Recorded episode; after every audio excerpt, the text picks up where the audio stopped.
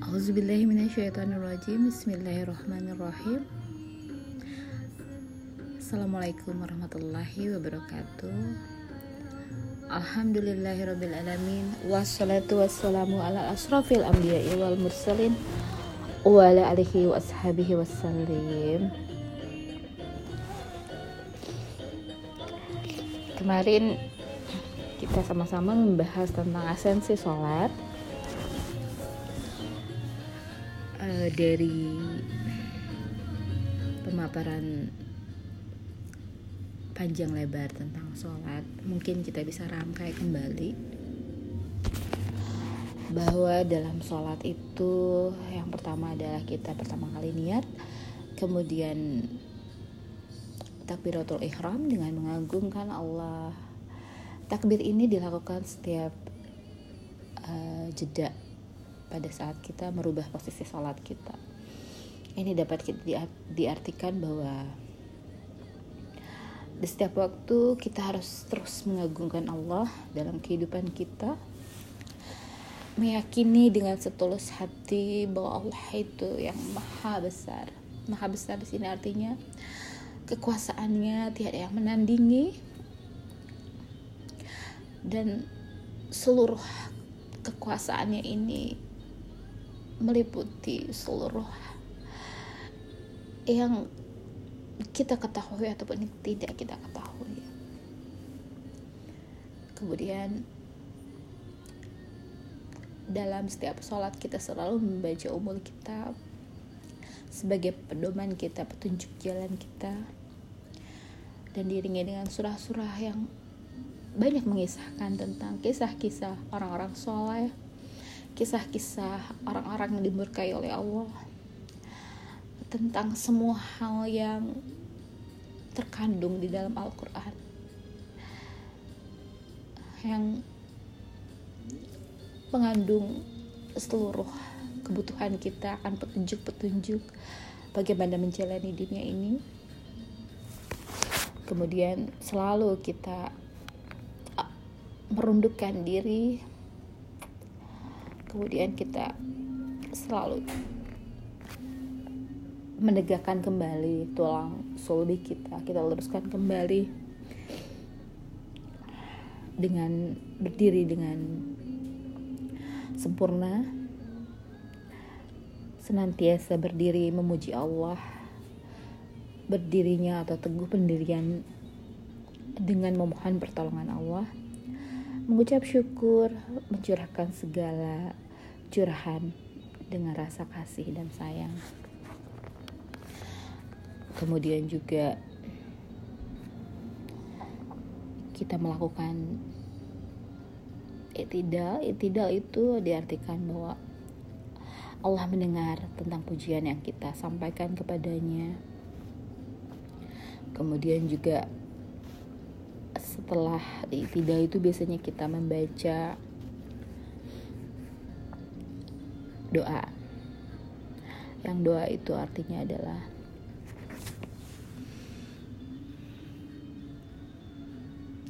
Rabbana lakal hamdu min ul samawati wa min ul ardi wa min humasita min sayin ba'du yang artinya Ya Allah Tuhan kami bagimu segala puji sepenuh langit dan bumi dan sepenuh sesuatu yang engkau kehendaki sesudah itu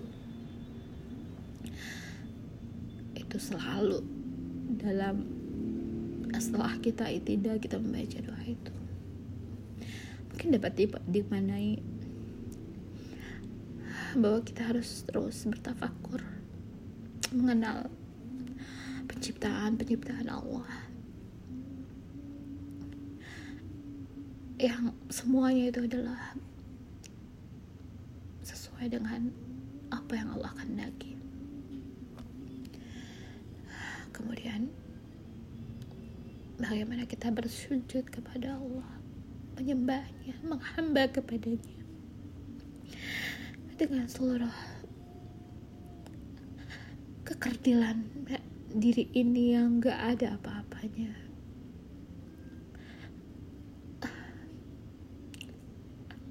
Dan manfaat dari sujud adalah salah satu yang membawa kita ada di bagian dalam kepala kita dalam otak kita yang bisa dicapai dengan hanya melakukan sujud. Jadi darah akan mengalir pada satu titik. Itu dilakukan apabila kita sujud. Itu adalah fungsi kesehatan yang bisa kita gapai dari sujud. Ada satu bagian yang bisa dialiri oleh darah hanya dengan melakukan dengan sujud dan itu adalah waktu yang paling dekat kepada Allah. Kita di, kita disunahkan untuk berdoa sebanyak banyaknya uh, bagaimana kita tidak dekat? Kita bersujud melawan segala ego kita. Mendekatkan diri kita kepada awal dari kita asal dari penciptaan kita yaitu tanah. Membumi dengan dengan meninggi, meninggikan Allah setinggi tingginya kemudian kita ada duduk di antara dua sujud dengan ucapan mohon ampun karena kita sebagai manusia selalu melakukan dosa yang tidak kita rasakan, yang kita tidak sengaja ataupun disengaja. Itulah kehidupan kita. Bahwa kita senantiasa harus memasukkan esensi salat ini ke dalam kehidupan kita sehari-hari.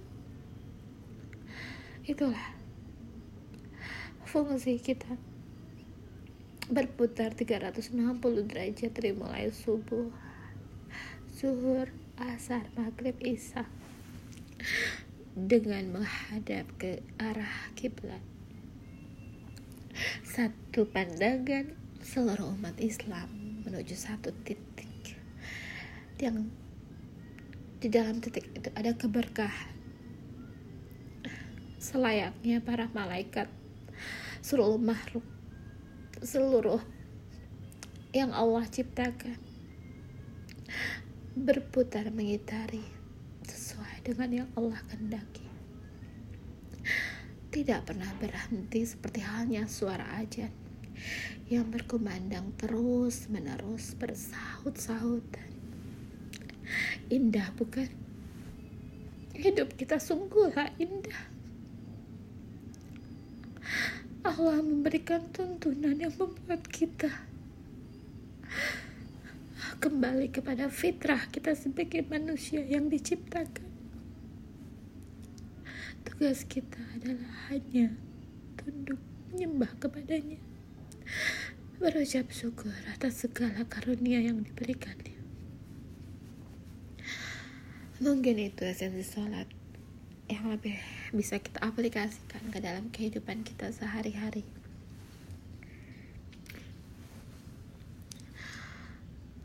Eh, dan satu lagi dalam menjalani kehidupan ini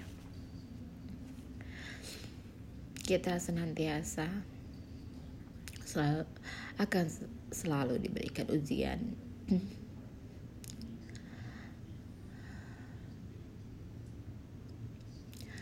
ujian ini harus kita hadapi dengan sabar, ikhlas,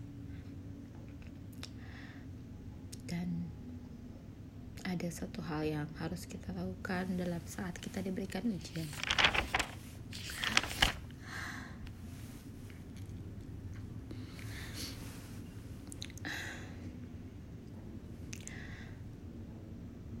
Apa ya? Aku kalau nggak langsung di ditulis atau diceritakan. Itu kadang-kadang suka lupa bagaimana kita menghadapi ujian-ujian yang Allah berikan.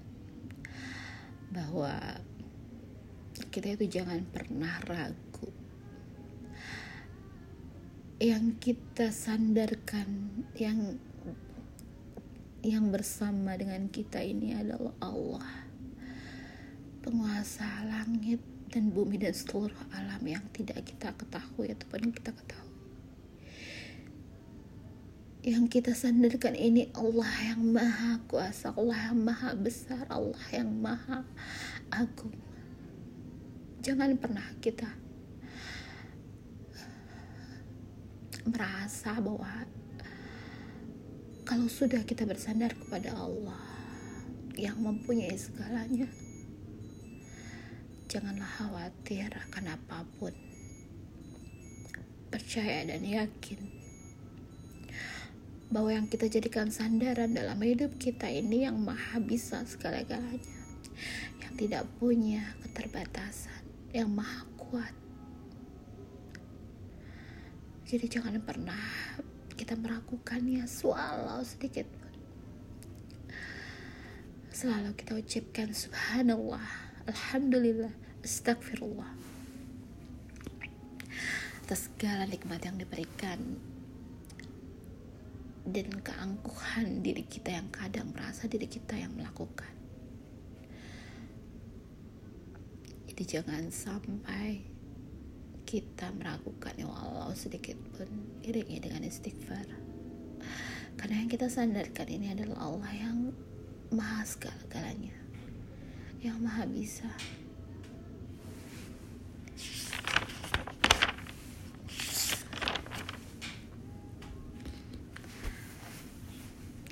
Tentang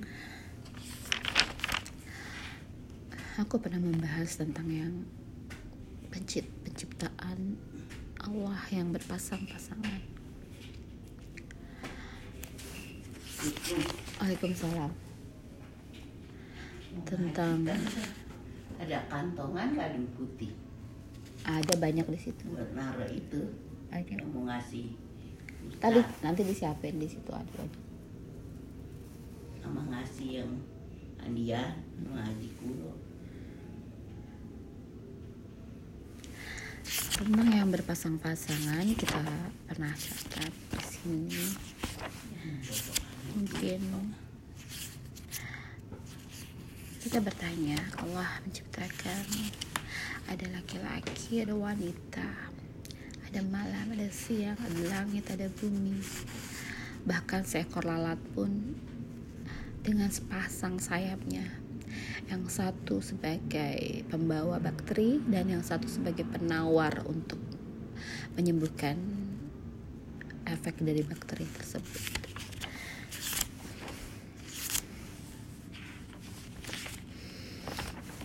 Dari situ kita bisa jadikan pelajaran untuk kita bahwa Allah menciptakan seluruh makhluk keadaan dengan tanda-tanda kebesarannya.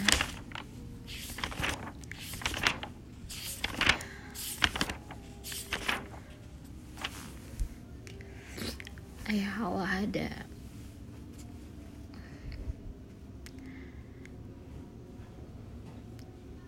Aku- Allah selalu menciptakan yang hal yang berpasang-pasangan ada daratan, ada lautan, ada menghidupkan dan mematikan. Iya mah, hati-hati jangan diinjak. semuanya Enggak dikit. Kemudian Allah menciptakan manusia dengan pasangannya.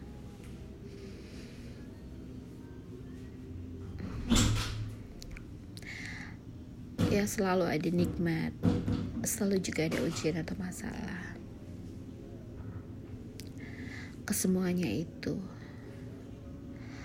mengandung, mengartikan tentang bahwa Allah adalah yang esa, tunggal. Itulah makna dari tentang Allah yang semua ciptakan berpasang-pasangan. Selalu ada malam dan siang. Hanya Allah lah yang Maha Esa. Dan kemudian satu hal lagi tentang aku sering bertanya tentang kekuasaan Allah meliputi singgasananya arsnya Allah ada beberapa surah yang diturunkan, langsung dari arsnya Allah surah-surah ini sungguhlah maha dahsyat seperti ayatul kursi dan kulillahi malikal mulk tu'til mulk man tasya wa tugzi'ul man mimman tasya wa tu'izu man tasya wa tuzillu man innaka ala kulli syai'in qadir. Itu adalah salah satu surah yang diturunkan langsung dari arsy Allah.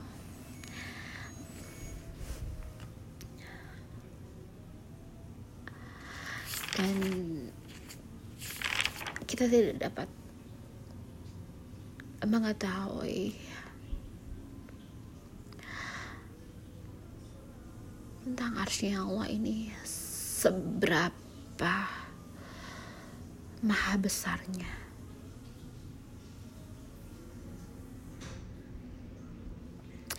bahwa arsnya Allah menunjukkan kekuasaan Allah yang kuasanya di luar kemampuan manusia untuk mengetahuinya. Sebesar apa kekuasaannya Allah.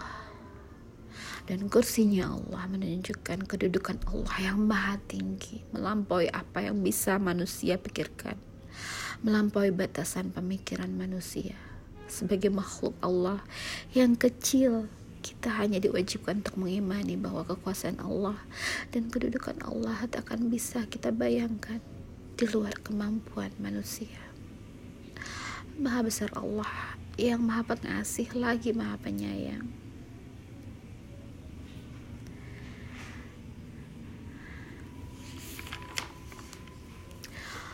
Oh, mungkin itu saja.